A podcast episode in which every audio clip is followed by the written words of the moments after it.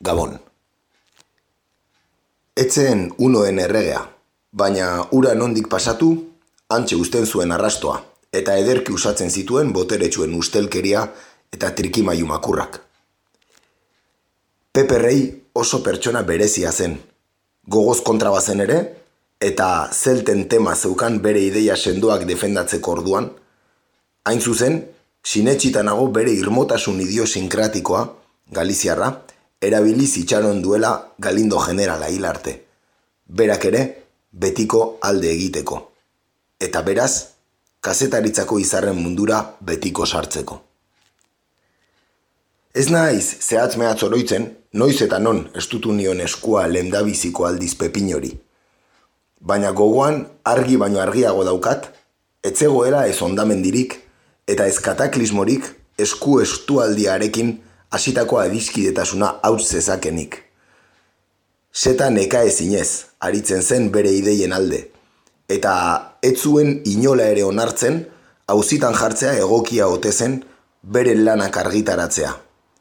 Baina zeta ark ere, ezin zuen ezertxo ere egin gure adiskidetasunaren kontra.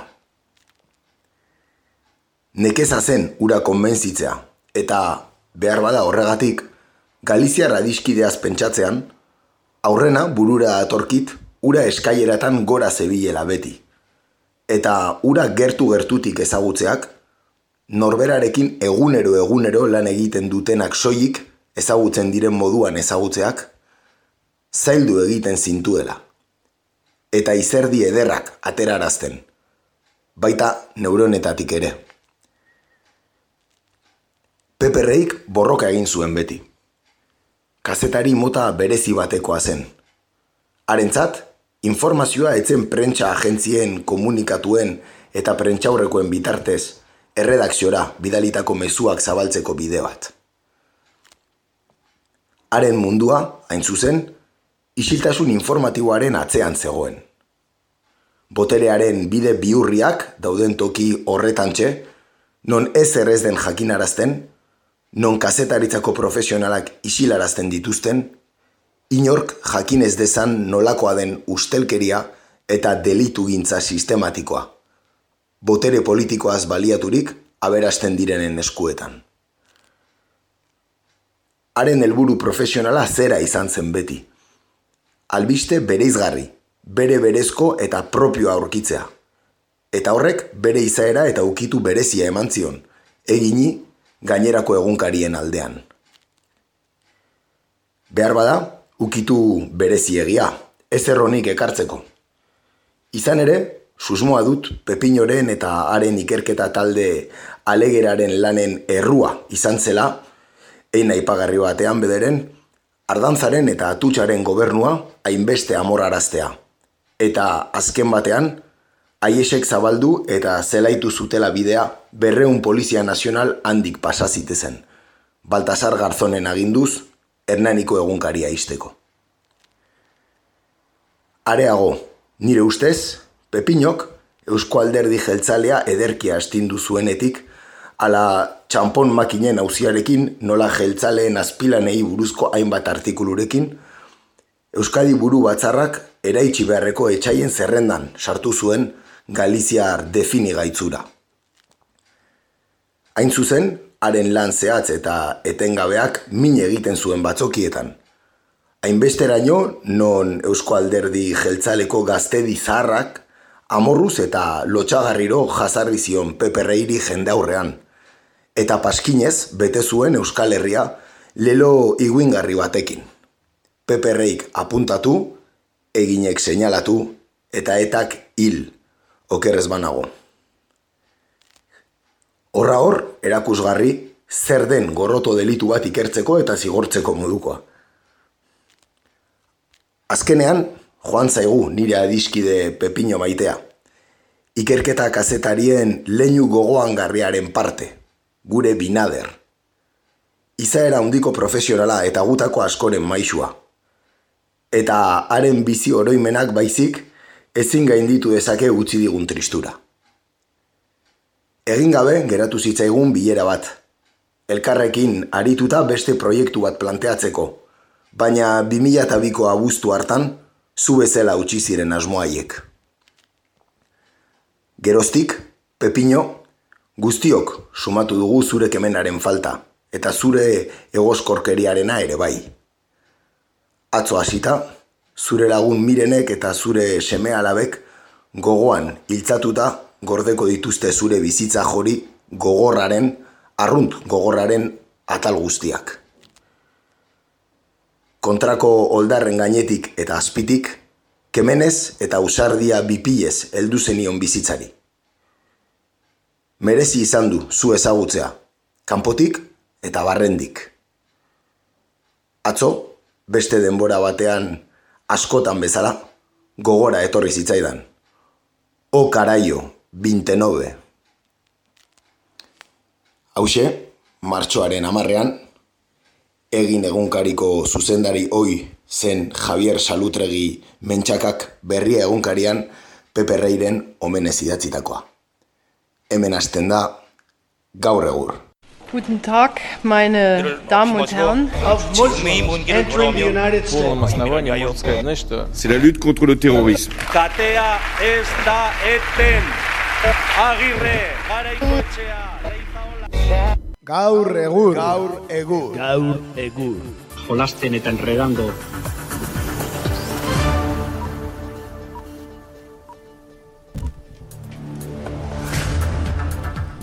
Arratxaldeon. Arratxaldeon denoi, Aixo, denori. Bueno, gaur ere zuzen zuzenean, kakaintzona estudioetan, martxoaren amabosta da, arratxaldeko zazpirak eta zazpi minutu. negoa joatea, rotza oraindik hemen ez, baina Bai, tira, eh. kalefakzioak lan gutxi egin du oraindik eta behar bada hautsa ez zaigu oso sendo notatuko oraindik. Ez, ez, gaina udaberria izan dugu, garai hau, ba, ez, aste batzu lehenago, baina berriro negu gordinean sartu gea, eh, dirudienez. E, udaberria berez badatorren ontan, eh, berriz ere negua, baina bueno, ezagutzen dugu hemen elurra maiatzean ere, beraz, oraindik ezingo du pentsau. Aztu be, berokiak ja gorditzak dugunik armarioan, ez?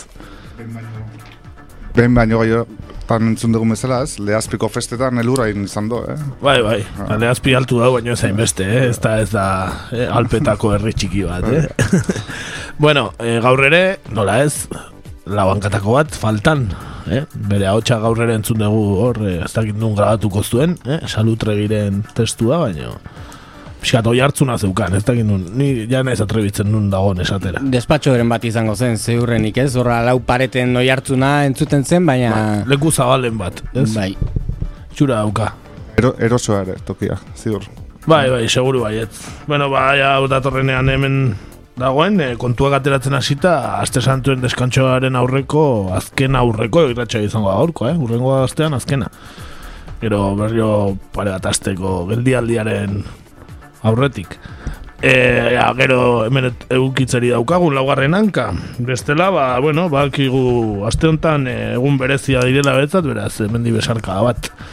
Eta, guazen, bertan gaurrekin.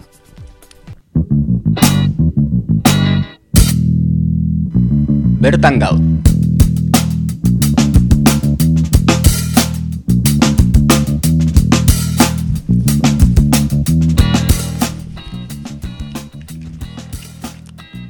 Gaurkoan bertan gaur atalean editorialean hitz egin dugun pertsonaia bebera jorratuko dugu izan ere pasaden astean zoritxarrez jaso genuen Rey kazetaria hil berri zela, ezta? Denok onerako konturatuko zinaten. Bere eriotzarekin, bere hautsa ere isildu da betirako, naiz eta apal xamar eta isilik zegoen 2002an jasan zuen e, istripu larritik, ezta? E, bueno, Pepe hil da, eta urteetan, urte luzeetan zehar isiarazten saiatu ziren kazerazi, kazetari deseroso ura, ez? Baina hasteko goazen Pepe Reiren bizitza pixka bat jorratzera hasiera hasieratik, e, non eta noiz jaio zen Pepe Rei? Bai, e... Batu ez, e, zuk aipatu bezala, e, Rey kazetari galiziarra, e, joan dan astean hiltzen, irugaita mairu urte zituela, eta, e, bueno, e, lehenago 2002an izandako trafiko istripu baten ondorioz, e, elbarri zegoen ez, demora luzez ez, eta orduz geroztik bere kazetari lanetatik ere ba, alden da zegoen ba, bere gaitzaren ondorioz ez. E, bere lanbidearekin zuen implikazio sakonaren ondorioz, Espainiako estatuak eraso egin zion gabe eta hainbat atxiloketa eta kereia izan zituen bere ibilbidean zehar ez. E, larogei eta larogei tamareko amarkadetan estatuaren edo monarkiaren estoldei buruz idazteak ba, prezio bat zuen ez.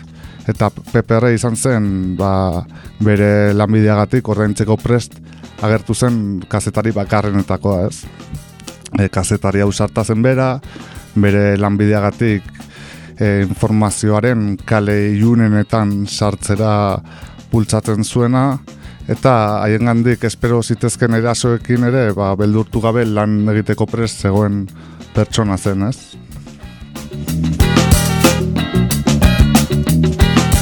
Bai, eta beharrezko sarrera hori eta gero ez, orain bai goazen bere Galizia maitera noiz jaio zen eta bere lehengo urteak nolakoak izan ziren ikustera.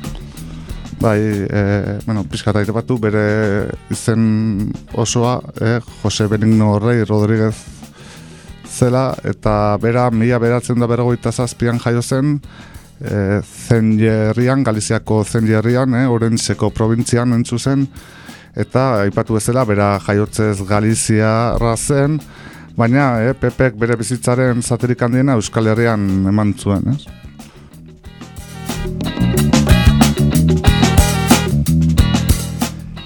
Eta zer esan dezakegu bere ibilbide profesionalaren inguruan? E, bere liburu eta reportaien garrantzitsuenak aipa ditzakezu mesedez? Bueno, el pueblo gallego egunkari Galiziarrean hasi zuen bere ibilbide profesionala eta ondoren La Voz de Euskadi proiektuarekin jarraitu zuen eta proiektu horren zuzendaria izatera ere iritsi zen. Geroago, interview edo ardi beltza bezalako edabideekin kolaboratu zuen eta argitalpen hori itxi egin zuen zuten Baltasar Garzon epailaren aginduz. Egin argitalpenarekin gertatu zen bezala. Pepe eginen erredakzioan sartu zen eta kiroletako atalean ardura hartu zuen hasieran, eh? zeinek esango luke. Baina laster hasi zen ikerketa lanetan horregin zen famatu noski eta eginen mila horretzen egindako erreforman ba, zuzenean parte hartu zuen.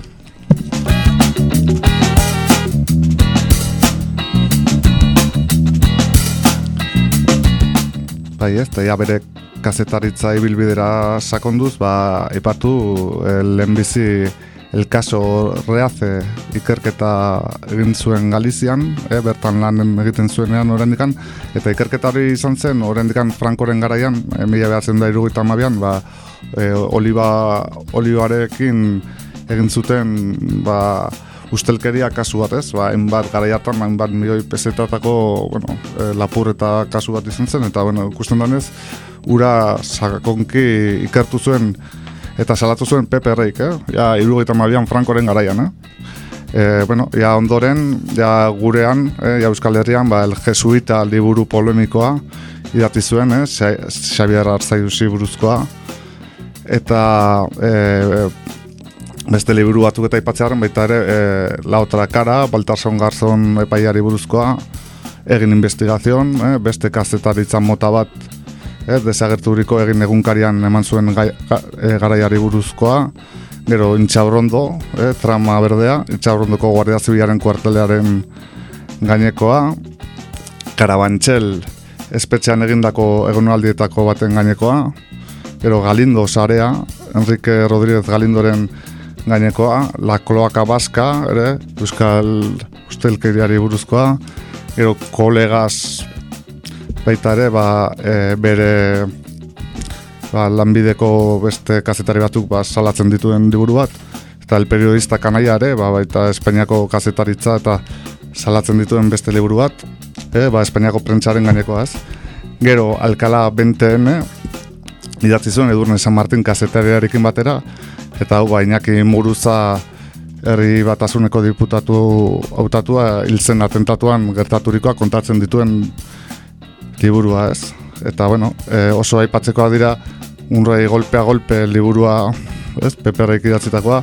Hori Rebeka Quintanasekin batera idatzi zuen eta e, e, Rebekak, ba, Patricia Esberlo ez, iz- ez izena erabili zuen, ez? Bai, da, orain dela oso gutxi esan zuen bera zela, eh? Bai, Eh, ETB-en agertu zenez, e, entrevista batean eta bertan eman zuen aurpegi. Bai, orain arte batzuk zioten eh, Pepe Rei bera zela egilea, baina ez, ez, esan zuen, eh, baina igual amala urte gero, edo, eh? Bai, bai, bai, bai. E, zerbait gaitik egon zen bildurtuta bestea ere, e, Rebeka ere, eta ba, bertan liburu hartan, ba, monarkiari kritika gogorra egiten zieten, eta e, Espainiako erregari, mila behatzen da bateko txaiaren hogeita iruko e, zeiakera kolpista zuzendu, eta orkestatzea leporatzen ziren liburu harrek, 23 FA bera, eh? Bai, hori da. E, gaur egun, ba, dikan beste batzuk ausartzen ez direna, esaten saiatu ziren, ez? Ausartu ziren, ez? Eta gero azkenik, e, Garzon la otra cara, e, liburua baita, ba, Baltasar Garzonek gero etzion barkatu ez, liburu hori idatzi izana. Edo periodistas el negocio de mentir, ez? Baita beste bere liburu hola, polemikoetako bat ere. Hori gaina gero bideoan ere atea zuten, periodista el negocio mentir, e, jotzen dit ikusi izana. Bere oso laguntzen Luis del Olmo eta abarri buruz, ez da, eh? Hori kriston pike aukitzuten, eh? Luis del Olmo. Bai, gaina gero e, uste, dut, e, uste dute bideo horregaitik e, inputatu zutela, eh? Zuk aipatzen duzun bideo horregaitik, eh? Baliteke, hala ere, ni arantza batekin gatzen naiz, eh? Zen olako kirol kazetaria galdu genuen, eh? Bai, bai bere garaian e, Eduardo Galeano izan zen bezala, eh? Bai, Bai, kazetaria. Batzuk gaula hazen dira, eta ere, bai, eh, korresponsal dauna hau estaran, behar zeineko are, bai. Jerusalemeko korrespontsala. Hori de kirol kazetari, izan da, bueno. Begira, ba, orduan ez dugu mespretsuz jokatu beharko kiroleko saiari buruz, Ez, ez, horre ateatzen dira kazetari hona dirudionez. Baina, bueno, danak ez zingo ditugu saltu zartu kazetari honaren zakuan, ala ere. eh? Gutxi batzuk agian.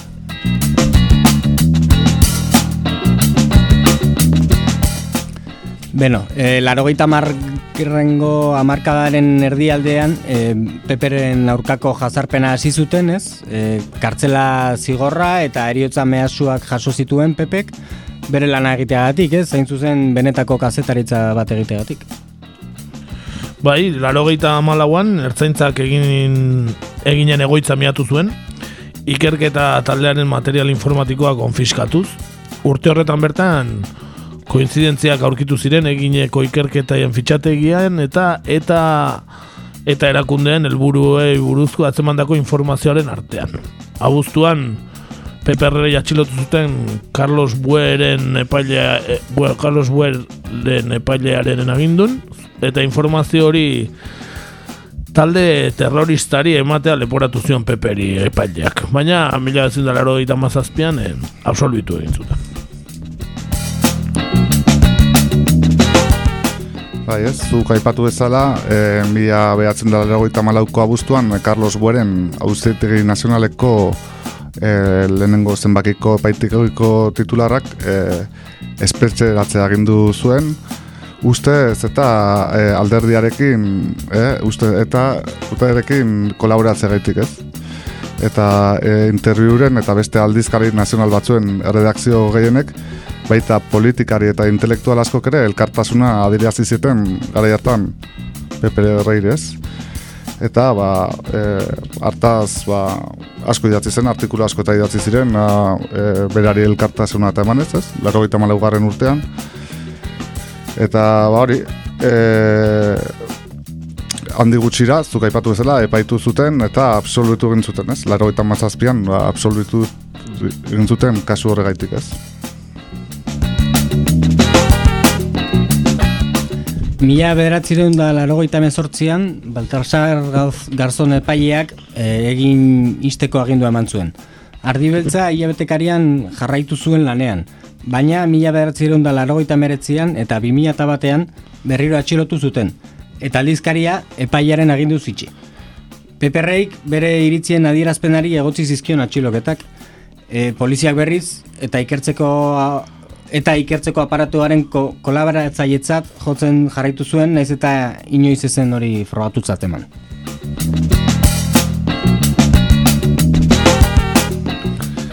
egin egunkaria eta egin irratia itxi zituen audientzia nazionala klaro geita emezortzian, etako kide izatean leporatuta, eh, dena da eta e, garzonek inventatutako horren e, erasoaldi horren hasiera izan zen, ezta?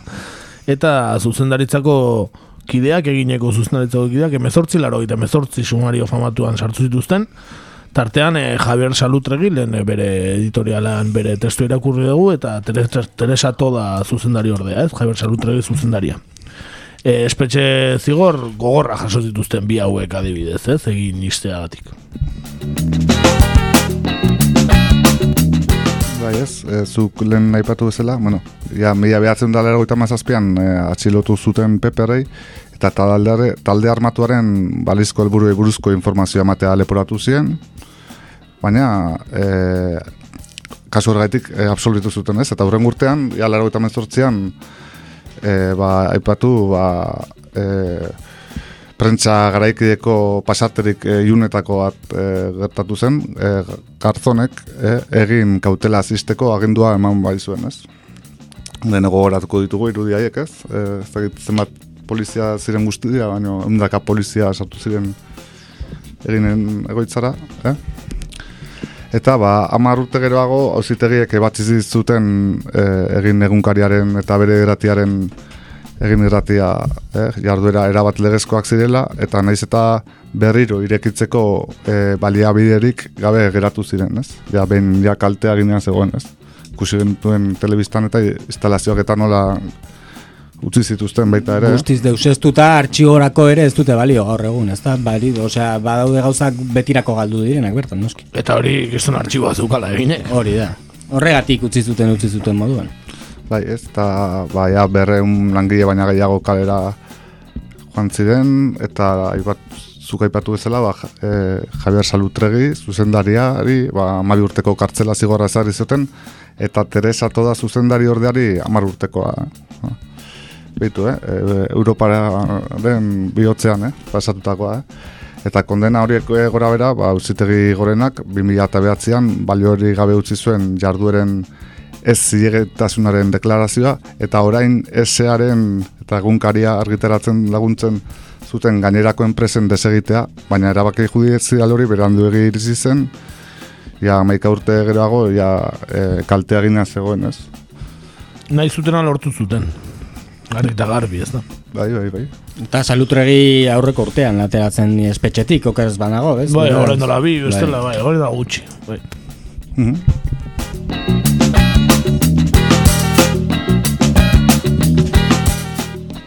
Laro eta meretzian, e, Baltasar Garzon epaileak berriro atxilotu zuen.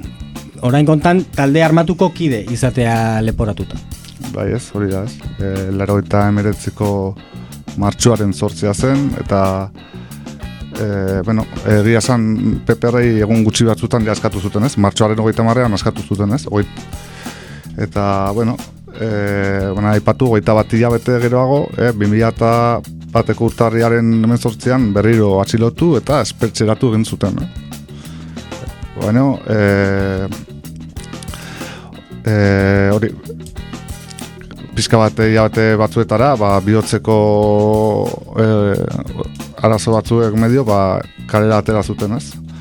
Baina, e, bere e, bulegoa miatu zuten, eta, bueno, handikan eraman zituzten hainbat txosten, eta e, bere, bueno, artzio denak ez.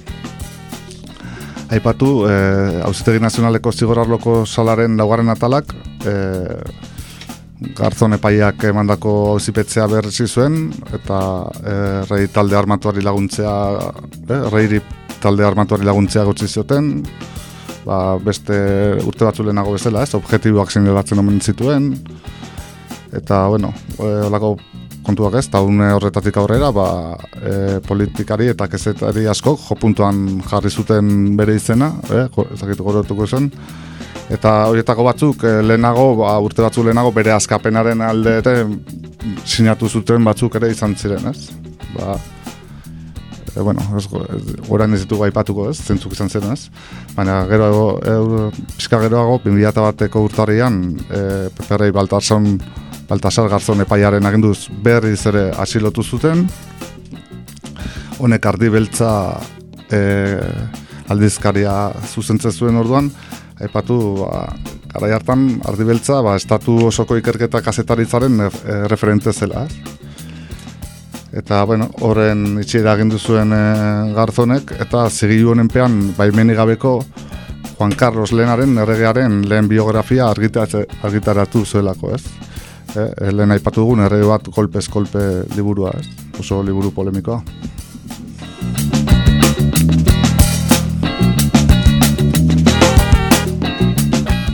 PPRiren aurkako akusazioak jazarpena eta epaiketa ugari izan ziren beraz ez? E, egin eta ardibeltzaren itxiera eta kriminalizazio kanpainarekin batera ez? Hau dena, dena da etaaren lelonpean ezta? E, nolakoak izan ziren garaiaiek Ba, begira, 2008 oi 2008ko ekainaren amairuan, hauzitegi nazionaleko zigor arloko salaren laugarren sekzioak Pepe Rey aske ustera bakizuen bost hilabete kartzelan eman ostean. Epaien ustez, ez zegoen ardibeltz aldizkarien egindako lanarekin, rei eta aldizkarien helburuak adirazi edo markatzeko elementurik. Mhm.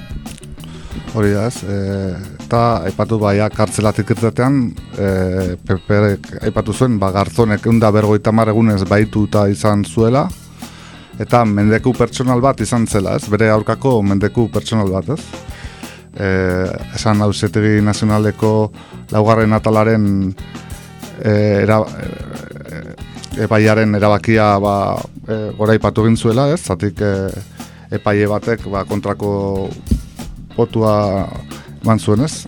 Erresoluzioan, ez? Eta hori, eh, ondoren, ba, peperen gobernuaren eta edabide askok ba, eh, epaile horren aurkare egin zuten, ez? Eta hori fiska bat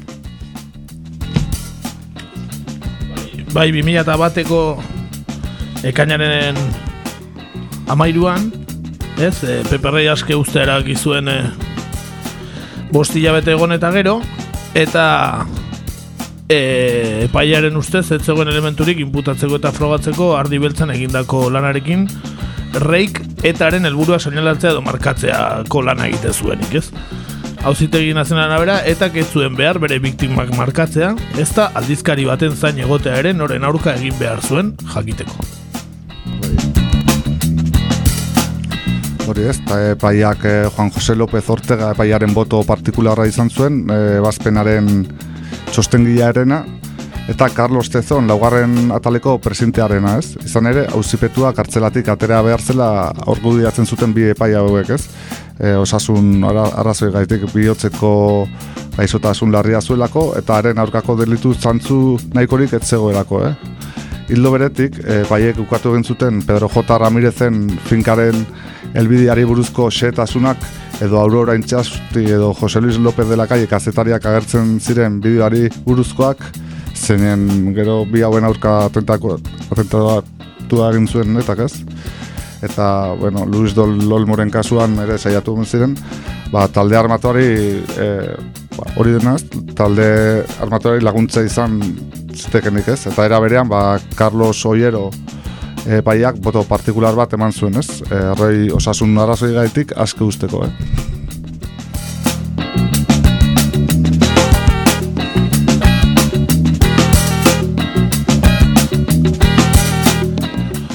Rodríguez Galindo generalaren agindupean intxaurrondon egiten ziren legez kanpoko jarduerak eta jarduera ustelak ikertu eta jakinarazi zituen komunikabidetako bat izan zen egin Guardia Zibile kontrabandoarekin eta narkotrafikoarekin izan zituzten loturak gerra zikinan izan zuten parte hartzea tortura salaketak eta Mikel Zabaltzaren hilketarekin eta beste estatu krimen batzuekin zerikusia zuen guztia izpide izan zituzten.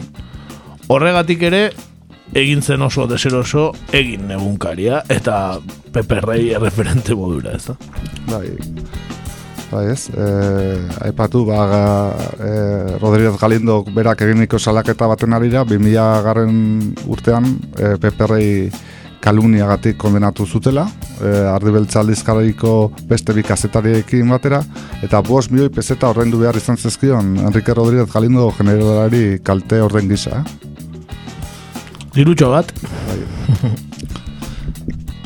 bueno, orain e, pizka bat jarraian entzungo dugu e, Patxi Zamora, e, bere garaian Pepe Reirekin ere lan egin zuena, eta e, bueno, bere audio bat e, lortu dugu, e, pizka bat, e, bueno, gauza batzu kontatuko dizkigu, eta guazen. Patxi Zamora, e, pixka bat pista galduta daukaunaren zat, e, naparron egontzan e, nola zan, ikerketa...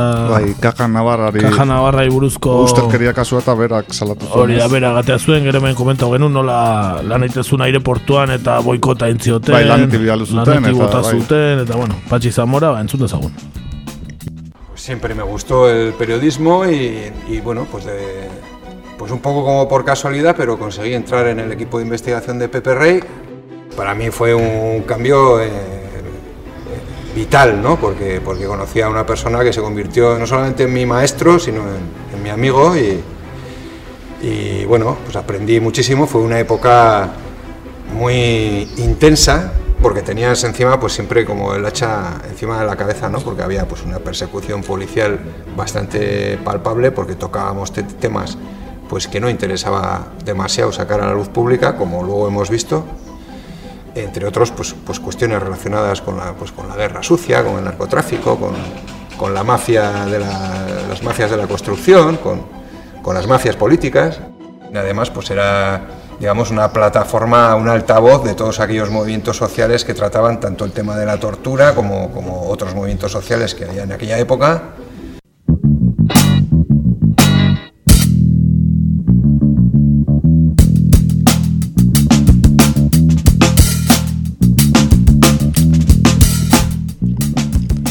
Eta biko abuztuaren emeretzean Peperreik e, zirkulazio istripu oso larria izan zuen, ez? Bere azken urteak e, honen ondorio izan dira eta nolabait isili geratu da ez berak nahi izan zuelako zori malapartatuak horrela bideratu duelako baino.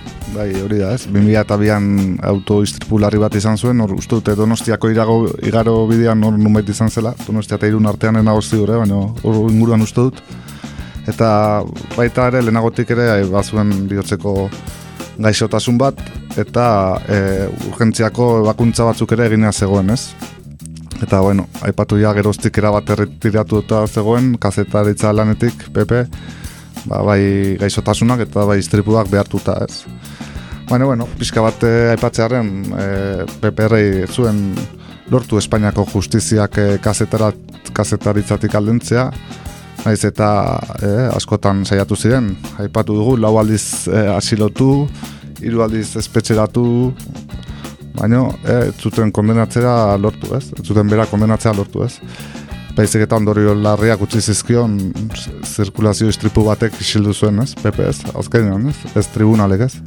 Eta haren dozena bat ikerketa liburu aldearrikatu behar dira, gehienak etxalaparta argitelatxeak argit, argitaratuak, eta aipatu gara e, txalaparta argitaletxea ere izten saiatu zirela, eh? Zorionez, ez zuten arrakasterik izan, eta aurrera jarraitu zuen, ez? Eta, bueno, e, aipatu ditugun lan horietako batzuk, eta betirako geratuko direnak, eta, bueno, irakurri behar direnak, eta irakurtzen jarraitu beharrezkoak, ez? Ba, aipatu ditugun el jesuita, edo periodista kanaia, edo egin investigazion, edo karabantxel, edo, bueno, garzoni buruzkoak, edo beste bere edozen liburu, edo parean dauzkagun ardibeltza e, Aldizkariak ere bai, ez? hori da. Bai, e, ez dakit narentzat, e, kakaintzona irratian e, ardibeltza ez dakit denak, baino ia denak edo pilotxo bat dauzkagu, gordeta. Egia esan entzule baten donazioa izan zen, bere etxean ja gehiagi okupatzen zutela eta ja, nahi genituen, eta gu noski baietz esan genion. Eta hemen dauzkagu, e, ardibeltza guztiako gehienak, eta bueno, baten bat ekarri dugu mai gainera, ba, pixka gogoratzeko, ez? Lehenengo ez da esan oso aldizkari handia zela. Eh? Ilabetekaria. Ilabetekaria, baina esan nahi dut eh, tamaño, eta tamaño handikoa, bai. eh? alau folio bat baino gehiago, ez dakit ze tamaño duen, eta baina bai, paper zeta kalitate oso honekoa. eh, bai, eh, koloretan, hori da. dana, eh, kriston artikulo puskak, eta Egun da berrogeita hamar horri inguru, bai, bai. luze hauetakoak, oso mardula azkenean. Izugarria, izugarria. Nik adibidez eskuartean zortzigarren zenbaki daukat, 2000ko abuztukoa. Bentsa.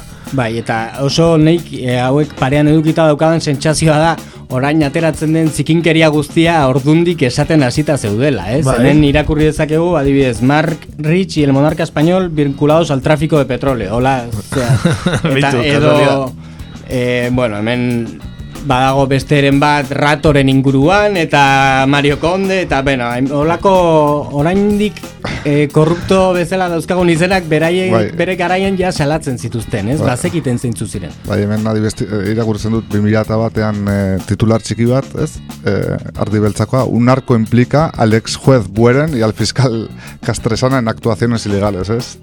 Pues horrelako zikinkeriak azaleratzen... E, Bai, bai, eta nik adibidez daukat, eh, miembros de la familia Oreja, mayor Oreja ordune boterean egon gozala, forman parte de la secta ultra legionarios de Cristo. Edo, el lobby de periodistas vascos en Madrid clave en la política informativa del Ministerio de Interior. Eta Iñaki Gabilondo narazki ez beraz. bueno, denentzat ere desorosoa, eh, ardi beltza, eta ba horrela ekin zioten bere kontra, ezta? Benetan aldizkari bikaina, eta Eo zeinak interesa badu, ba, etorri daiteke irratira ardi beltza irakurtzea nahi duenean, hemen dauzkagu danak eta benetan eh, altxor preziatua dira, eh? Dudari gabe, bai, bai, artxorra. Bueno, ba, Euskal kazetaritzaren erreferente handietako bat joan zaigu, eh, aste honetan. Naiz eta Galizian jaio Euskal kazetaritzaren referente handia izan da, ez? Eta guk ere asko zor diogu, ez? Irratsaio honek, zeren Hori da. eh, bere oinordekoek eta berak egindako ikerriketek eta, bueno, asko eman digute irratsaio hontarako, ez? Bai, aipatu hori ez, naiz eta bera joan oinordeko ugari utzi dituela, ez? E, orain etxu entzun berri dugun Patxi Zamora edo Aostar Zelaieta adibidez, Bai, edo- ba, hor daude oraindik beraien lana egiten, ez? Edo Igor Melchor, ez? Bere bloga Baita periodista kanaia izena daukala, ez? E, bai, bueno, batzuk hartu diote erreleboa naiz eta badirudien ez dagoela interes edo, edo baliabide gehiegi garai hortako ah, bezalako komunikabide bat sortzeko edo ez edo Bai. edo egunkari batek ere bere ikerketa atal propioa eukitzeko, ez? Bat du barain Euskal Herrian hori ez dagoela behintzat. Euskal Herrian ez, e, Espainian publiko egunkariak badu, ez, ikerketa talde bat, nahiko, bueno, egin dute bere lana, zikinkeriarekin eta bar, baino e, egia da guk gaur egun ez daukagula referenterik hemen. Pixat aipatu 2008 garren urtean, eh, e, irabazi asmori gabeko kultura elkarte bat sortu zera PPR-iren izenean, eta ikerketa eta salaketa kazetaritza sustatzeko helburuarekin, ez? E, PPR gazteak, eh, irtetzen diren, e, pixka bat aipatu, ja labur labur, ba, e, orain, bueno, e, urte batzuetara begiratuta, baina e, men garzonek eta buerenek eta beste batzuk eginikoa izugarri gauza larria dela, eh? Zagite erdogan ere e, atrebituko litzateke horrela, ez? Horrela ba, hemen egin zuten bezala, ba, zehazki ganera e, bueno, talde baten aurka, ba, eh, hainbat aldiz inputatu eta ba, bai egin egunkariatik hasita eta egin irratiarekin jarraitu, gero ardi beltza kale gorria e, bueno, sartu ziren editorialarekin, txala parterarekin ere, esan nahi dute, hemen egin zutena oso gauza larria izan zela, eh? eta e, zakit, Bai, eta hor geratuko dela, eh? Espainia demokrazia bat balitz modura, eta ia, ia hogeita garren mendera sartzerako eh, begira nola ari zen, ez? Kazetarien aurka eta eta egunkari eta argitaletxen aurka, ez? Gero egunkariare zuen aurrerago, eta hor ez zegoen horrelako ikerketa atalik eta ez beste arrazoi batzuk izan ziren egunkaria izterakoak, ez hainbeste, ez, eh, hainbeste molestatzen ziren agian, beste arrazoi batzuk izango ziren. Baino, bai, bai, benetan, eh, bueno, bakigu, ze, ze estatu den Espainiarra, ez ondo bakigu. Ondo erakutsi digute, bai. bai. Bueno, ba, eh, agur eta ore, eh, peperi, eh, benetan merezi du eta. Hori da, egun dira arte, esaten den bezala. Hori da, guazen ba nazio artera.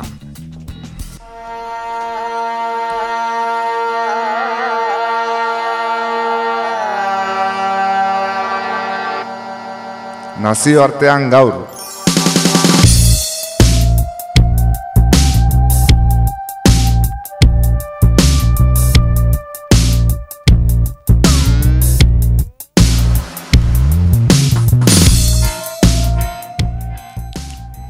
Uda berria etortzear da eta guri ondartzarako gogoa jarri zaigu. Horregatik, Brasiera joango gara, bertako ondartzetan, goxo-goxo egotera. Brasilgo giroa, goxo-goxo ez dakigu, baina bero-bero dagoa da.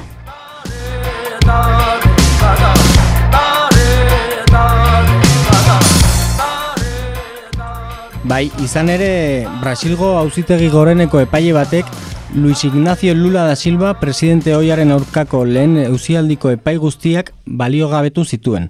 Epaia eman zuen epaileak zigorra eragin zuten kasuen gaineko eskumenik ez zuela iritzita.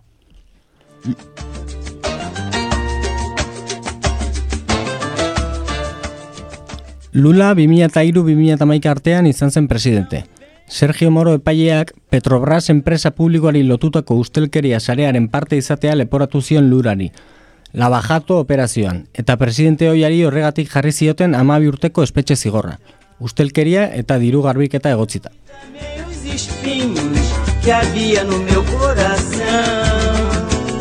Família, minha vida. Bueno, ba, jakin dezagun pixka bat gehiago kasu honi buruz. Bai, bueno, danok ezagutuko dugu, ez? Luis Inacio da Silva Lula, bezala ezaguna, eh? Brasilgo presidente hoia. Eta esan bezala, Lavallato kasuagatik, jarritako zigorra, ba, bertan bera utzi du aurreko astean Edson Fachin. Brasilgo auzitegi goreneko epaileak abizen horrekin. Nork esango luke. bai. Ala hasi da. Ez da helako behar bada guztizko fatxa, fatxin txiki bada eta horrek Hori esku hori utzi hori dira. da, hori da. Fatxa txiki bat izango da. Bai, ba, lavallato, gaina, deit, esan nahi du autolavado edo bezala ez, portuguesez. E, hori izan kasua. Eta Kuritibako e, lehen instantziako epaile batek hartutako erabakia ba, baliago gabetu egin du, Edson Fatxinek. Argudiatuta auzitegi hartako epailea, eh, Sergio Moro, etzela kasuak aztertzeko eskumen juridikorik zuen epailea. Eu fui o teu bem-querer. Não venha atravessar o meu caminho. Auzitegi gorenaren osoko bilkurak erabaki du, orain, fatxinen erabakia mantentzen duen, ez erabakiko du, auzitegi gorenak. Hala egingo balu, Lula aukerak izango lituzke urrengo urtean, hogeita, 2008an, hautesku, ondo, hauteskunde oro, orokorretarako hautagai modura aurkezteko. 2018an galdu zuen horretarako eskubidea, gogoratuko izaten ez, eta aste hontan atzera bota duten zigorretako bat jarri ziotelako, eh, 2018an, eta horretuan eh, ez zioten balio gabetu zuten bere auta gai izateko eskubidea. Agora ficas sozinha no meu caminho. Não quero ninguém do teu arrependimento. Não interessa saber.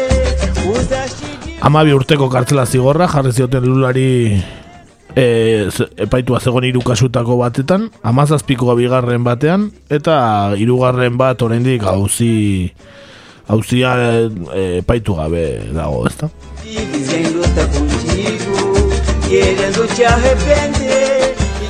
Labaiatu auzi hontan sartuta zeuden ba, eraikuntza etxeak, eta lulari dirua eta jabetzak eman zizkioztela ebatzi zuen epaileak, ez Sergio Morok. Fatxinek ordea ondori estatu du auzio horiek ezin zirela Petrobras enpresa publikoarekin lotutako ikerketekin e, nahaztu, eta hortaz ez zegoela arrazoirik kuritibako auzitegiak e, epaitzeko. E, Petrobrasekin lotutako auziak beste instantzia batzuetan e, epaitu behar zirela, horregatikan bota dute atzera. Eta astenutakoa ez da epaitegiek e, PT edo langileen alderdiaren sortzaileari egotzitako karguak atzera botatzen dituzten lehen aldia edo? Ez, ez da, ez. E, Odebrecht, beste ere, epatu dugun kasuarekin ere lotuta da, e, ko, ba, e, ebat, epaitu zitu zuten lula eta karguak ba, kendu egin zizkioten aurreko irailean ere, e, kasu horrenak. Odebrecht eraikuntza enpresari ustez mesede egin ziolakoan, e, ba, lularen aurka irekita zegoen prozesu judiziala artxibatu egin baitzuen irailean Brasilgo justiziak, hau batez hartu zuen erabakia gaina eskualdeko auzitegi federalak e, frogarik etzegoela argudiatuta. Lehenago ere, hau- e, horren esalaketaren bat zati bat baliago batu zuten, eta irailoean ber- gero karguri gabe garatu zen lula Odre Brecht auzi hortan. Hauzi hortan lulari leporatzen zioten Odebrechen alde egiteko eskatu zuela Brasilgo garapen ekonomikoko eta soziala, eta sozialaren banku nazionalean. Eta enpresa horri Angolan, enpresa hori Odebreche Angolan egiten ari zen lan batzuetarako mailegu batzuk eman emateko eskatu ziela. Salaketaren arabera horren truke dirua jaso zuen lulak. E, ustelkeria bere harremanak horretarako erabiltzea eta erakunde kriminal bateko kide izate egotzi zioten, eh, lulari. Baina gero, bueno, ba, ez zegoen frogarik eta eta bertan bera geratu ziren karguak. Beraz, bigarren aldia da, o, bueno, bigarren kasu handia lotu duten lularekin eta bigarren aldiz e, balio gabetu egin dute kondena, ez?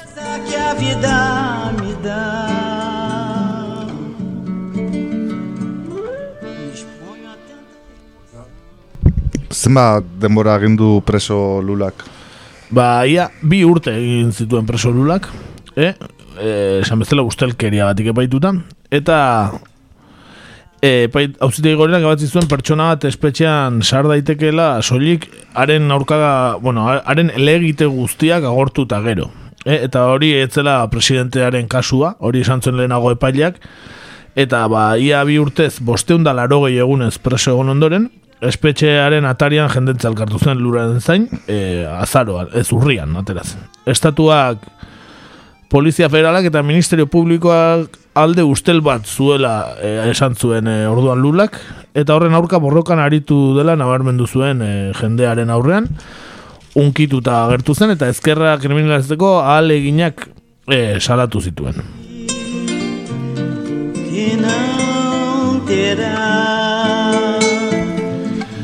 Gogoratu, e, kartzelatik ondoren, Lularen, ez, e, kartzela jona aurretik, Lularen kondenak hautaga izateko gaintasun gabetzea ekarri zuela, e, 2018ko urriaren zazpian etorri zen hori, hauteskundeetako inkestetan favorito zenean. Eta horrek ekarri zuen, ba, gaur egun daukagun Jair Bolsonaro ultraeskuindarra, ba, presidente izatera iristea.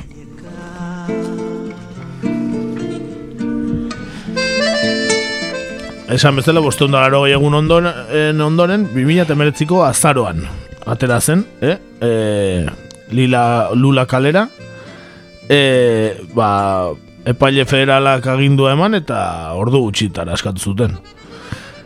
Esan bezala, hauzipetua lehen biziko apelazia galdu ondoren, eh, hasi behar zuten espetxe zigorra betetzen, bigarren instantzian, e, ba, horrela hauzitegi gorenak hori ebatzi zuelako, baina e, gero lege hori aldatu eta gero, ba, esan zuten, ba, ez zutela ele, elegite guztiak ez zirela agortu, ez, lularen defentsan, eta orduan, e, ba, kalera atera zuten bosteun da, laro egunen ondoren, pentsatzen dugu etzela Brasilgo kartelari txarrenean egongo, baina, bueno, ba, bosteun da, laro egun kartela, bosteun da, laro egun dira. Que trago dentro de mim preciso revelar. Eta Lula zigortu zuen epaia bera ere protagonista da, ala? Bai, ez ezaguna eginda, ez, Sergio Fernando Moro. Brasilarra, eh, magistratua idazlea eta katedra duna, da. Nazio artean ospe handia lortu du, eh, izan da, bueno, eh, epaile izarra, eh, hemen baki guztio zer horri buruz. E, ba hori, esan bezala, opera sao labaiatorekin egin zen famoso, hori hori ikertzen, eh? Laro eta maseian bihurtu zen epaile federal, hogeita lau urte besterik ez zituela. Luraren aurkako ikerketa eta beste epaiketa batzuekin, ba, esan bezala, Brasilgo epaile izarra bilakatu zen. Eh, hemen, hori, bak, ezagutzitu batzuk, eh?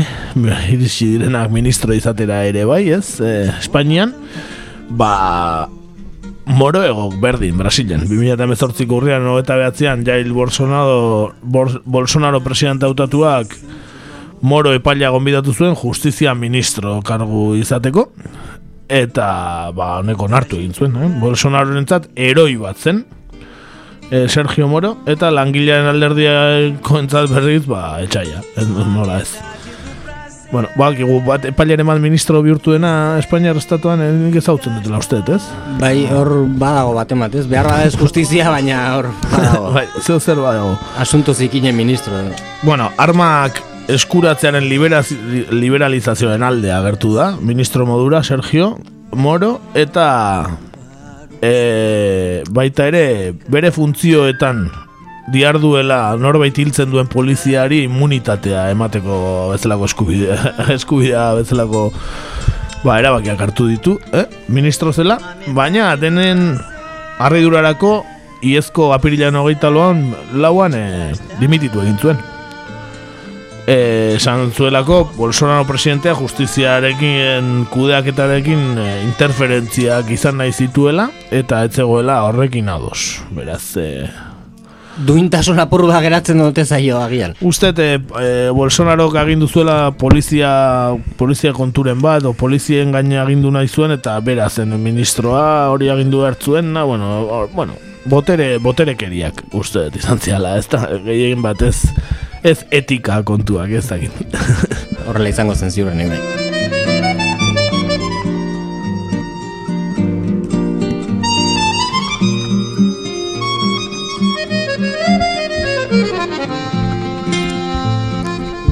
Eta azken erabaki honek eh, Lula berriz ere presidente gai izatea ekar dezake? Ba, ekar dezake, bai. E, ez son fatxin epailaren ebazpena, gauzite gorenean osoko bilkura berretxi beharko du orain. Brasiliako barruti federaleko gauzitegen prozesuak esleitzen zaizkion epaile berri batek e, ba, bere esku izango du epaitutako guztia balioztatzea edo balio gabetzea. Baina, bueno, badirudi historia, bueno, hau kapitulua gehiago dela, baina ez dela maiera, eh? Hala ere, 2008ko hauteskundetara berriro aurkezteko aukera izango balu, ba, argiago lurrikara politikoa izango litzatekela Brasilien, ezta? Lula agertzea. Eta Lula Bolsonaro arteko hauteskunde bat, ba, bueno, ba, bastante polarizatua izan daitekela dirudi, ezta? Baina, bueno, bain digo da, e, hori Hola izango den jakiteko, e, ba, petek berak esan duelako, oraindik bueno, ba, egon daitekela, ba, ba, e, paiketa berrartzea, eta barrez, beraz, e, Bai, estoldak oraindik dan egingo dutela, da, Brasilen, ez? bai, bai, hala ematen du. E, Augusto Aras estatuko fiskal nagusiak adibidez, ez? Bolsonaro izan izendatutako fiskal nagusiak, noski, iragarri du elegitea jarriko duela, ja, fatxinen erabakiaren aurka, beraz ikusiko dugu, ez zer gertatzen den. Esan askatu baino ordu batzuk lehenago Jair Bolsonaro presidenteari kazetariek e, balula aske gelditzeko aukeraz galdetu zutenean, honek bakarrik galtzamar lodi altxatu zuen auto barrutik eta dezakigu alde zegoen edo ez, baina bueno, behatz altxatu eta, eta ies egin zuen. Zet uste asko gustatuko ez zaionik erabakia, baina bueno, zile daki. E, ala ere, ba, lula ateratzearekin, ba, leia politiko gorra hasi da, Brasilen. Argi dago, ez? E, ba, lula libre egotea, ja, ba, aktibo politiko garrantzitsua da, ez? Peterentzat, eta, ba, eta Bolsonaroren aurka egiteko ere bai, ez? Aste honetan bertan, ja, lula e, mitin bat eman du Brasilen, eta baukagu bere audio, antzun dezagun. país não tem governo. Esse país não cuida da economia. Esse país não cuida do emprego. Esse país não cuida do salário. Esse país não cuida da saúde.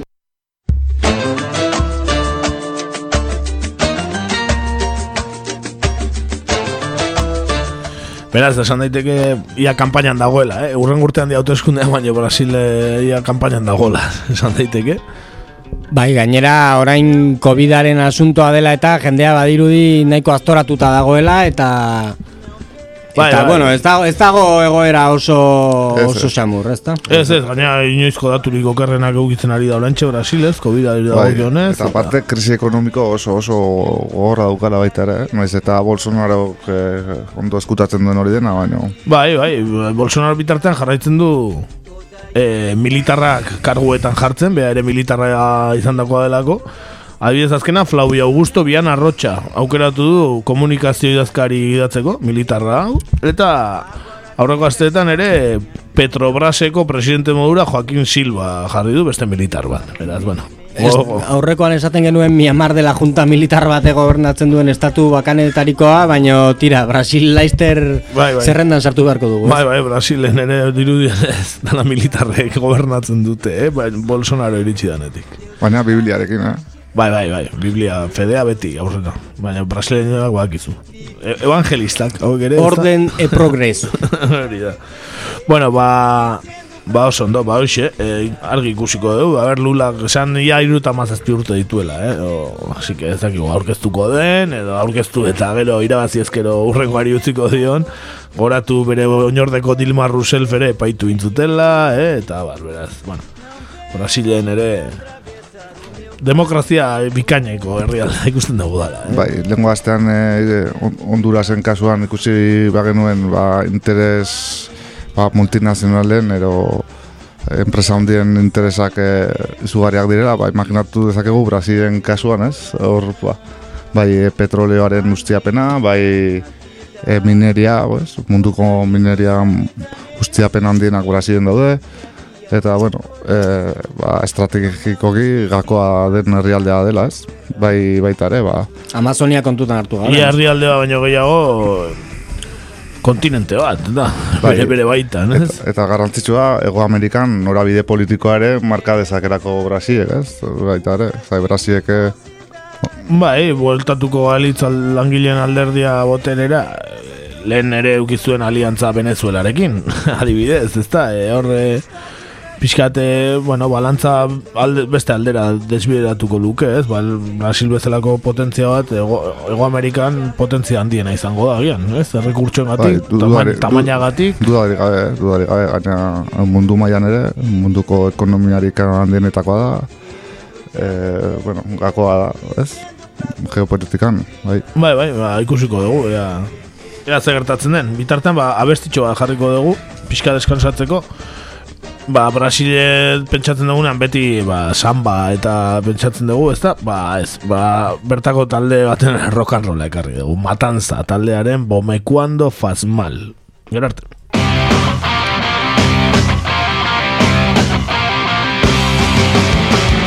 Tá fazendo o que em casa? Por acaso está doente? Ver TV deprimente, não tem nada mais sem graça. Bom de noite é ir pra rua, mesmo quando está chovendo. Eu que nunca me arrependo, tá errado, eu tô fazendo. Vai saber o que é normal, só que eu posso lhe dizer: bom é quando faz mal.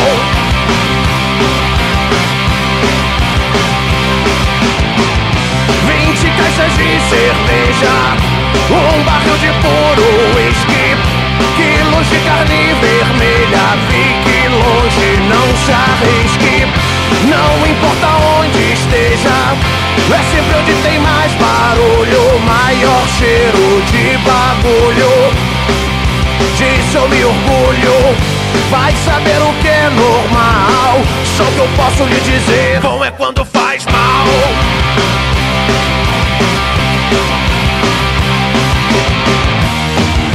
Consequência qualquer coisa traz. Quando é bom nunca é demais. E se faz bem ou mal, tanto faz Tanto faz, tanto faz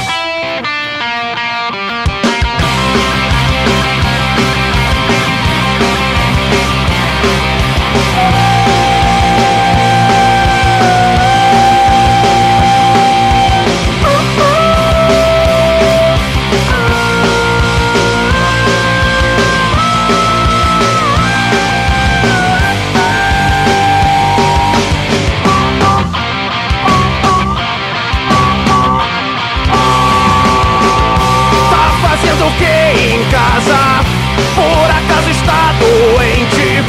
Ver TV é deprimente, não tem nada mais sem graça. Bom de noite é ir pra rua, mesmo quando está chovendo. Eu que nunca me arrependo, tá errado, eu tô fazendo. Vai saber o que é normal, só que eu posso lhe dizer: bom é quando faz mal.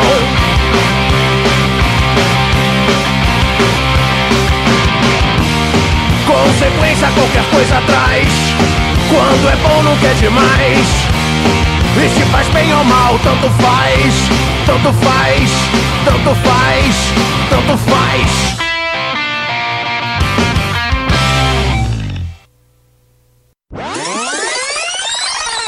Gaurko egunez.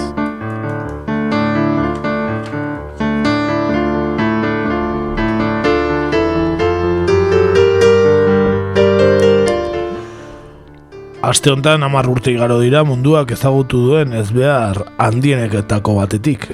Fukushimako zentral nuklearraren leherketa. Gogoratuko duzuenez, naturako lau indar bortitzenak bateratu ziren ura gerta zedin. Energia nuklearra, lurrikara, tsunamia eta gizakia.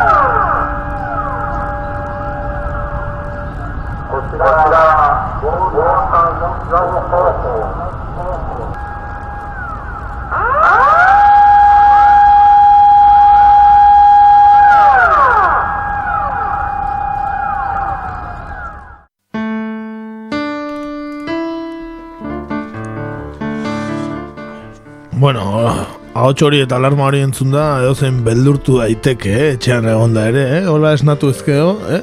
Zureak egin du esaten du alarmak, ez? Eh, Bai, ez daukezu eh, zer egiterik. Bai, bai, benetan beldurgarria.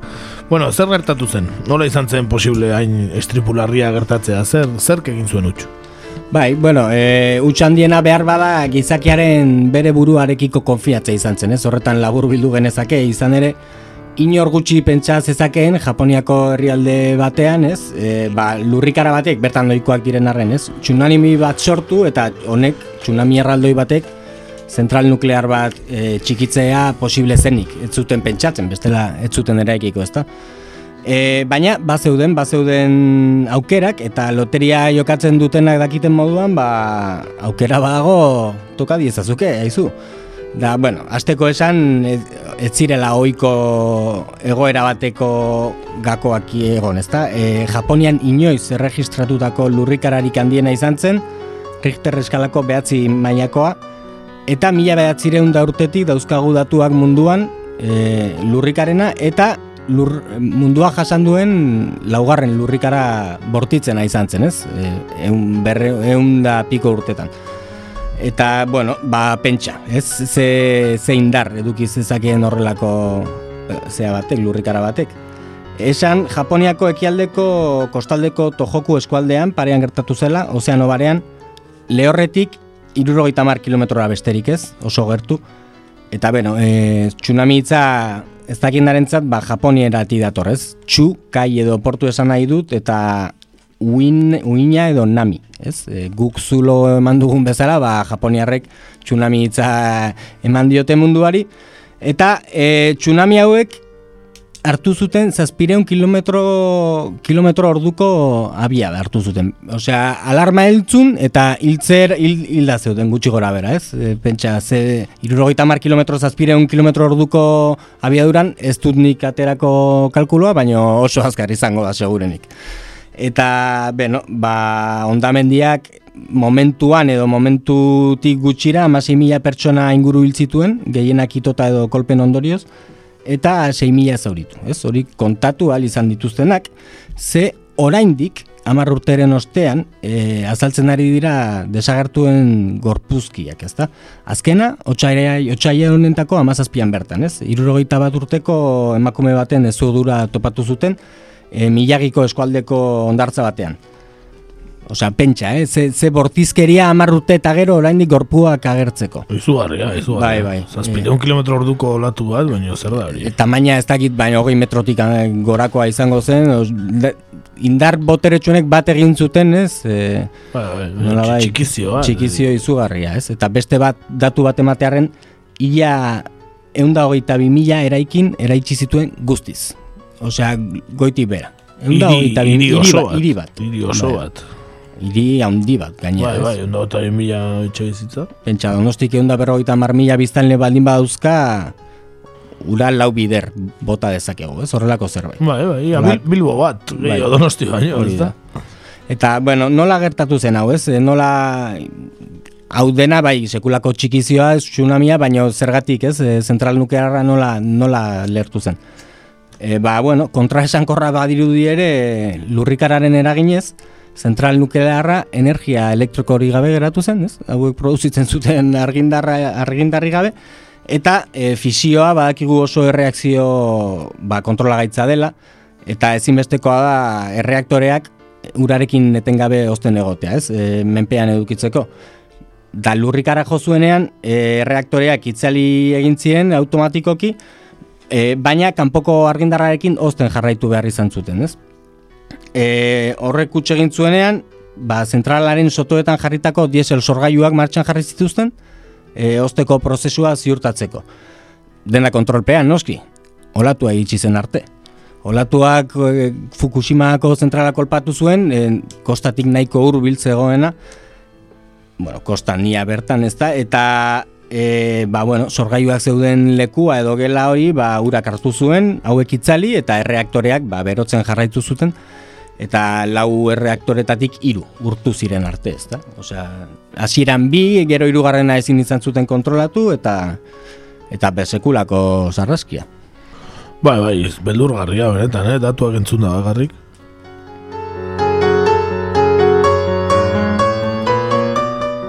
Eta honek e, ikustarazten digu pixkat, e, ba, Japonian gertatu zenez, ba, herrialderi garatuenetan ere, ba, gertalitezkela estripu nuklearrak, ez? Bai, ez da soilik herrialde komunisten kasua, ez? E, teknologia puntakoena garatzen duen herrialde batean, ba, hause gertatu zen, eta, bueno, erakutsi zuen finean ez dagoela herrialderik, e, horrelako horrelakoetatik salbu. Zentral nuklearrak ez dituztenak, noski. Baina, baldin badituzu, beti edukiko duzu arriskua. Eta, bueno, e, Japonian tsunami batek eragin zuen, hau dana, baina e, azkeneko arrazoia izan zen, zentrala energia hornidurari gabe geratu zela, ez? Eta nola bait e, zintzituztela erreaktoreak ba oztu, energia falta zitzaileako, eta hau edo zein herri aldetan gertaliteke, olatu batek edo beste edo zein gauzak eraginda, ezta? Eta izan Ukranian, Japonian edo Burgosen. Bai, bai, edo Frantzian, baita pilotxo hauzkegula hor ondoan. Bai, Frantzia da munduan e, zentral nuklear gehien dauzkan herrialdea, berrogeita mar zentraletik gora dauzka, eta bere e, hornidura elektrikoaren zati handi handi bat e, energia nuklearretik sortzen du, saltzeaz gain noski. Bai, guri adibidez, guk kontsumitzen dugun energiaren zati handi bat ere, berdaien e, zentral nuklearretatik datorrelako.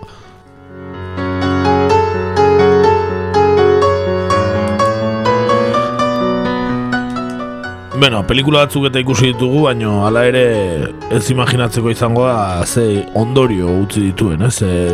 Estripu nuklearrak. Bueno, bai, ondorioak nabariak dira oraindik e, eta oraindik e, ikus ditzakegunak ez dira danak azaldu ere, ez? E, badakizu erradiazioak denborantzear sortzen dituela ba, e, kantzerrak eta horrelako minbiziak eta, bueno, e, nola baiteko gaixotasun isian doazen gaixotasun hauek, ezta? Bai, Baina, eta seme alabe transmititzen zaie, eta bar, Hori da, eta, bueno, eta ekonomian eta zer esanik ez. Baina, zehazki, e, energia nuklearraren sektorea beraren ere bai, hor e, gatazkatsua izan zen e, ze hau ez, e, Fukushimako leherketa izan ere, honek e, aldatu zuen pixka bat errotik zeukaten interesa, ez? E, ez dakik gogoratuko duzuen, baina bazegoen kanpaina bat, energia nuklearraren aldekoa, oso ozen eta sektore anitzetatik zetorrena, ezkerretik eta eskuinetik nolabait ja e, Txernobil ahaztear geundela, hasi zen bai, berriro. Eta, sasi ekologismo batetik ere bai. Hori da, hori da, eta bazegoen, bazegoen, ez? Hor, e, bueno, debate publikoan energia nuklearraren hauzia, berriro mai gainean zegoela esan genezake, eta honek, e, ba, errotik aldatu zuen, bukatu egintzen debate hori, e, izan ere, ba, herrialde askok bir, birplanteatu egin zutelako instalazio horiekiko planak, ez? Alemaniak esaterako, bat zeuzkan zentralak itxi eta Frantziari e, erosten dio energia, guk egiten dugun moduan, eta, bueno, e, orain, ba, eraikitzen ari dira, baina e, Errusian eta Txinan, baina Txina eredu propioa garatzen ari da, eta e, irizpide ekonomikoak bigarren maila batera pasatzen ari dira, eta beno, ez zailo hainbeste asola igual ere ez, e, ez dakit, istripuren bat gertatu alizatea, zein edaki, baina egia da, oraindik eta energia asko behar dute, noski. Oiek, azkenean mila zazpireun edo mila bosteun milioirentzako energia ez da inondik ateratzen.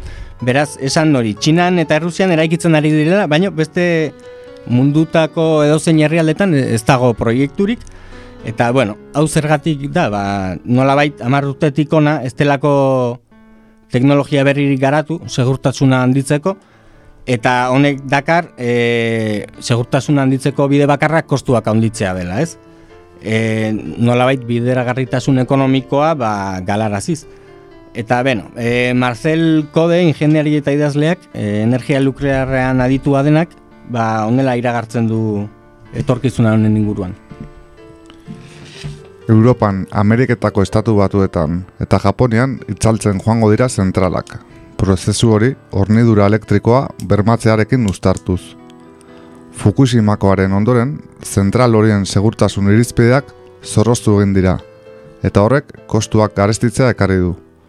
Horrez gain, kostuak gero eta handiagoa dira, eta horren ondorioz, zentral nuklearrak ez dira lehiakorrak. Ba, nik uste pixkat pentsau zuela ez, beste herrialde batzu. Hua, hau Japoni gertatu bazaio, haukien ospearekin langileak, zorrotzak, ez, eramango zituzten, e, segurtasun protokoloa guztiak eramango zituzten, ez, o, oso ondo, eta abar, eta abar hori Japoni gertatzen bazaio, beste herrialde pentsako zuten, bo, guri, gurekin. Gureak nola daude, ez, orduan hasiko Bai, bai, ziren begira. Gu jai daukagu, ez? Eh, bueno, ala ere, Japonian eh, gertatu zen, eta bueno, txikitu zuen inguru guztia eta ez da buelta eman dioten ere, ez? E, nik uste dut hau dela, ez dakit ez dut ezagutzen Japoniar herrialdea zoritxarrez, baino historian geratuko zaien beste orbain bat izango dela, ez? E, aurretik Hiroshima eta Nagasakikoa bezala, orain ere nuklearrarekin, ba, hor geratuko da, ze familia eta e, nolabait herrialde oso bat e, guztiz aldatzen du, ez? E, pentsa ze larria izan den horrelako istripua eta baina bueno, e, pairatuko dituzte ondorioak oraingoek eta datozen datozen belaunaldiek ere bai eta e, aipatu dugu moduan ba, behar bada hasi besterik ez da egin, ez? E, 2018ko irailean e, Japoniak gobern, Japoniako gobernuak erradiazioak eragindako lehengo, lehenengo hildakoa onartu zuen. E, berrogeita urteko langile bat, zeinari biriketako minbizia detektatu zioten 2006an. Hau da, e, istriputik bost urtera. Eta esan, ba, bueno, erradiazio atomikoaren eraginen nazio batuen erakundearen aditu komiteak, unz ba, txosten bat argitaratu berri duela, aste arte, aurreko joan den aste artean, Eta beraien arabera, 2008ko ikerketatik ez da istripuko erradiazioarekiko esposizioari zuzenean leporatzuko moduko osasunerako kalterik atzeman, Fukushimako biztalen artean. Hori adirazu dute, naiz eta e, aitortu duten beste animali batzuek e, kalte genetikoa dutela, ez? E, adibidez, ba, animalia espezie de arratoiak eta badauzkate kaleko arratoiak esan nahi da, eh? ez laborategietakoak. Eta bertan notatu dituzte ba, variazio genetiko garrantzitsuak direnak. Orduan ez dakigu oso goiz den behar bada ikerketa egiteko, ez dakigu ez gara dituak gu noski, eta baina argi dago eh, hor geratuko dela, orbain bat eta ikusiko dugu. Kalteak etorri beharko dira, hori argi ez? Bai, argi dago e, osasunerako kalteak gratis etzaile atera, ez? Eta eta gainera oso larriak diren kalteak, ez? Ez da behatz bat moztea bakarri, baizik barrutik e, txikitu egiten zaituena erradiazioa. Bai, eta igual ez ari gabe, ez? Defentsa gabe uste zaitu, eta bar, eta bar, ez? E, zer gauza, eh? Eta... Bai hori pertsonen gan, baina gero datoz animaliak, inguru giroa, ez, landareak, gero bertatik jalten dute. Bai, eta itxasoa, ez, itxasoko urare esaten zuten, bai, ba, hori, ba, ur, ur hori eraltzen zuten e, osteko eta bar, ba, Bai, bai. Izugarri kutsatu dela, karo, hori onartzea ere, de- eta hori kalkulatzearen nahiko zaila izango da, baina... kalkulatu nahi izan ez gero, noski, ez? Oso garesti ateatzen bai da kalkulo horren emaitzak gero publiko, publikora ematea. Baina bai, esan ba, inguru giroarekiko krisia kalkulagaitza dela, ez? Osea, jendearen osasunean noski dauzkala arazoak, e, sortzen dituela arazoak, ekonomian noski sortuko dituela arazoak, baina e, ingurumenak, ba, kalte ordainak e, ordainduko dituela, inor baino gehiago hori ziurra da.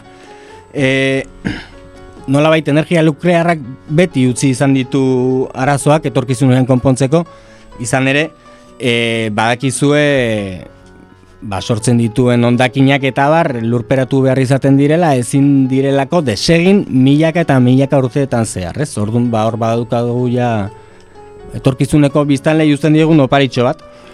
Eta, bueno, guk orokorrean martxa daukagun makinaria erraldoiaren engranajeak e, martxan jarrai dezaten etorkizunari pasatzen diogu faktura, ez? E, gure garaiko joankoa kolega funtzionatzen du, hazkunde ekonomikoak zeinak kreditu sistema bat gabe ezinezkoa duen funtzionatzea, eta ba, antzerako zerbait gertatzen da beste esparroetan.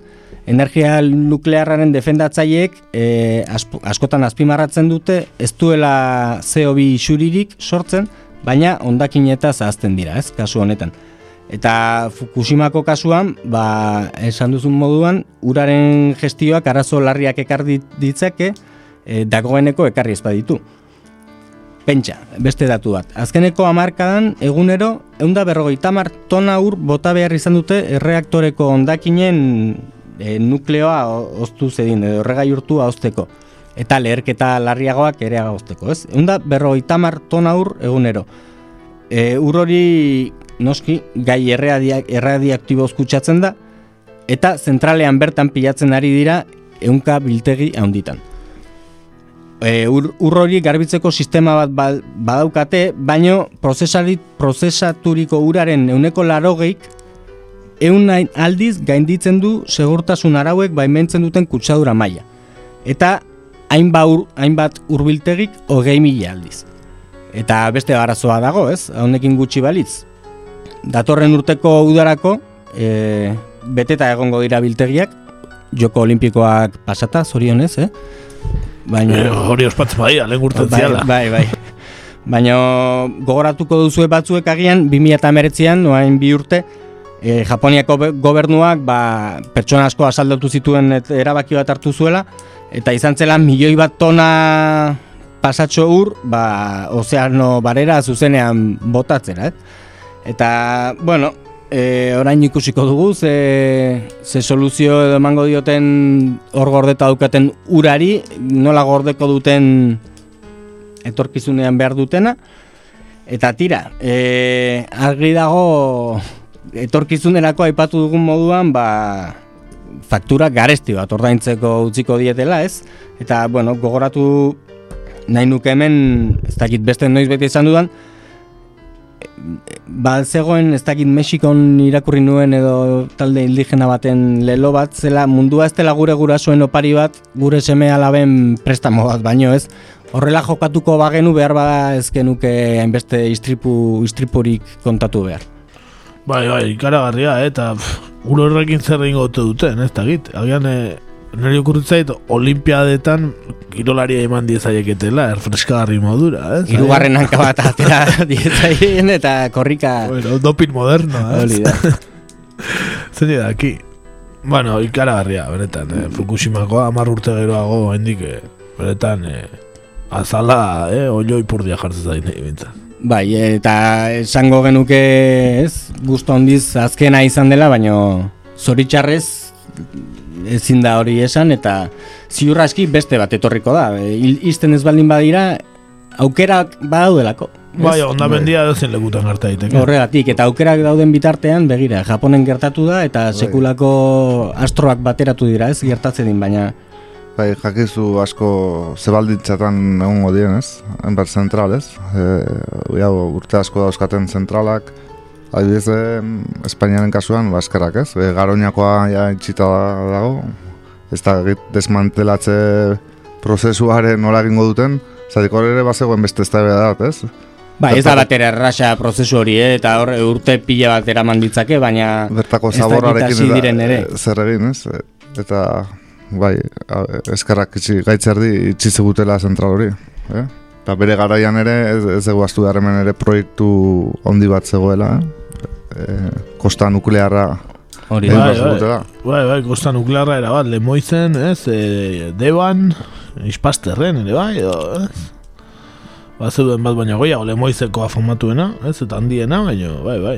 Hor daude oraindik bere murruak eta ez e, ikusten dira eraikita dagoen Bai. Eta, eta gu ordutikan aza jaten gaudela, eh? Basta jusek esan zigun bezala, ordutik, Jesuitak esan zuen moduan. ordutik aza besteik ez dugu jan. Al Albanian bezala, ez? Zan zuen. Bai, hori ere, bai, Albania bezala egongo behala, bai, ala gaude. Albania bezala eta egunero aza jaten. Eh, zuen arzaiusek, argi eta garbi. Bueno, abestitxo bat, Bai hori da, abesti bat ekarri dugu, ez? E, energia atomikoaren alde egiten duten Buchanan Brothers entzun ditzekezue pixka bat giroa laitze aldera. Atomic Power.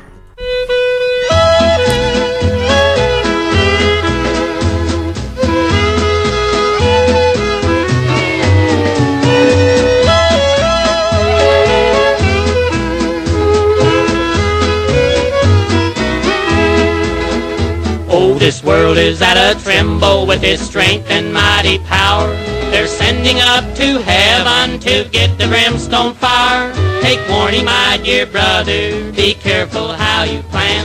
You're working with the power of God's own holy hand. Atomic power,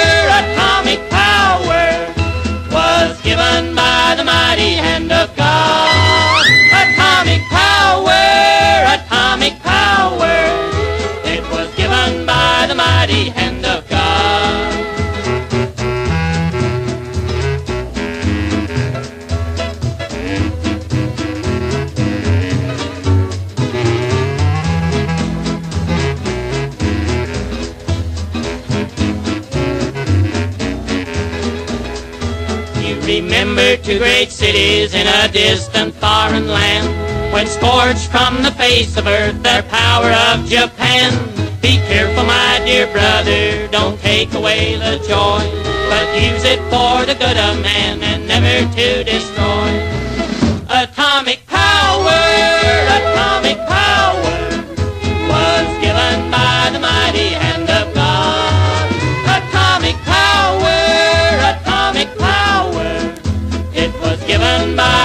mighty hand of God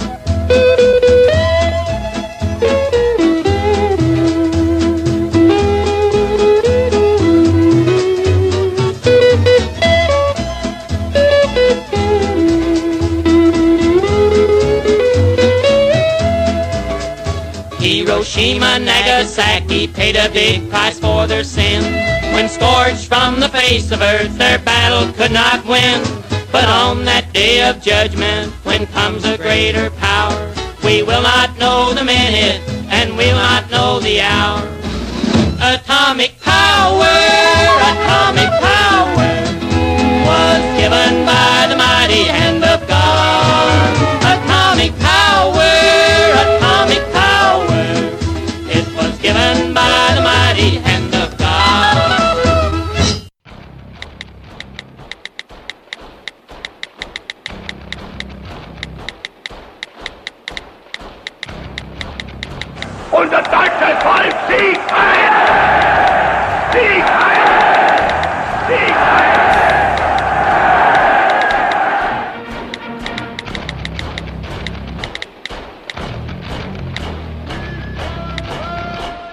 Badatoz SS-ak.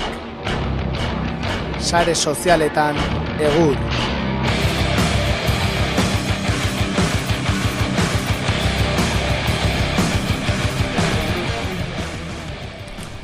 Gaurkoan sare sozialetan kakaentzona irratiak jasan duen enegarren boikot saiakera izango dugu izketa gai, ez?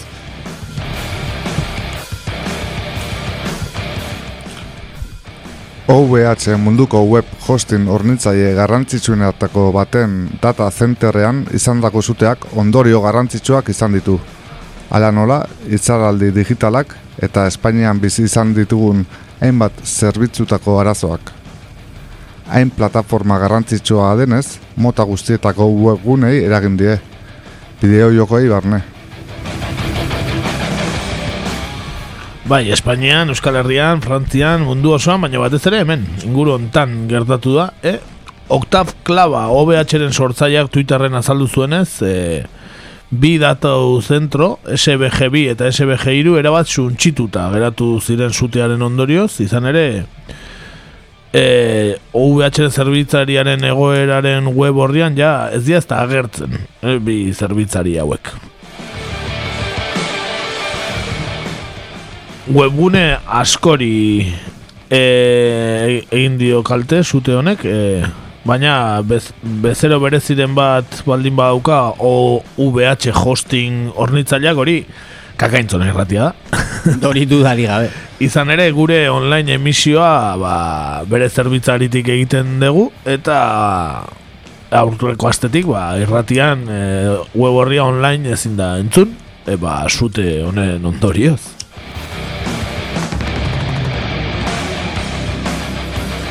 beste bezero bip batzuk eh, aipatzearen, bueno, esan lehenengo 3,5 milioi webguneri eragin diela suteak eta beste beste ba Frantziako gobernuari e, Frantziako Pompidou zentroari Frantzian dagoen e, Parisen dagoen Pompidou zentroari edo baita deribit kriptomonedari ere eh? beste bakizu bitcoin dauetan ba beste bat da deribit hori ere bai Esaten da Frantzian .fr domeinuak ez, e, Euskal Herrian .eus bezala Espainian.es, ba, .fr domeinua duten weben euneko biak jasan duela zute eta, eta ez dagoela ikusgai euneko bia, eh?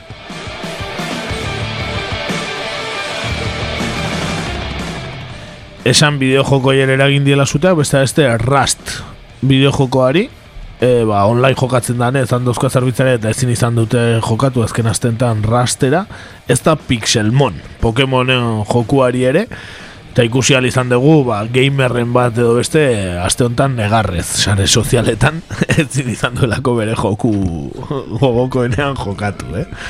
Beretan, eh? Hori beretan esatet. Ikusi, ikusi izan ditugu. Hala ere entzuleok eta hemen zaudeten kideo pentsatuko ez ba, baina, bueno, e, hau istripu bat izango zan. Ez? Ez zan izango e, boikot bat kakaintzonari hau istripu bat izango zan. Baina ondorengo datuak iritzia guzti zaldaraziko dizue, baizue eta bai entzulei, izan ere Wikileaks ere bertan zegoen. Eh? Así que pentsa. Ja, izaten nahi geha kontrainformazioaren mundu mailako bi erreferente nagusienak, eh? Wikileaks eta kakaintzona Eta Winston, Winston erasotu dute? Winston ez dakit, agian Winstonek ere hor dauka zerbitzaria, bai, pentsu, ja iru izango zian, eh? Imagino. Kontrainformazioa mundu mailako iru erreferente, eh? Ba, hosting zerbitzua, claro, eske kagada gurea da, eh? Bai, egin ez, Wikileaks eta gaintzona batera jartzea Claro, oso, oso, oso kiri Baina gulenago geuden, ez? Beraiena izan da kagada Bai, bai, beraiena izan da Baina goxoki oso tentangarria, ez? Noski, noski. Bi hau keukitza ezea berdina, eh? hosting berdina Ba, hori, ba, ikusi dute, boteretsuek, eh? aukera paregabea Eta, bueno, ez daukagu probarik, baina guk argi daukagu zu eman dioten Bai, bai, hori hortan proba gutxi behar da Hori da Eh, Baina, esan barako guk segurtasun neurri asko hartzitugula Egunero ditugu kopiak, backupak eta barre, kopia digitalak. Eta orduan, eh, online ez da entzuten, baina bestelako eraginik ez digu egin. E, Web horri ikus daiteke, podcastean entzun daiteke, eta barre eta bar. Wikileaks ez dakigu, ezin izan dugu beraiekin kontaktatu, eta ez dakigu.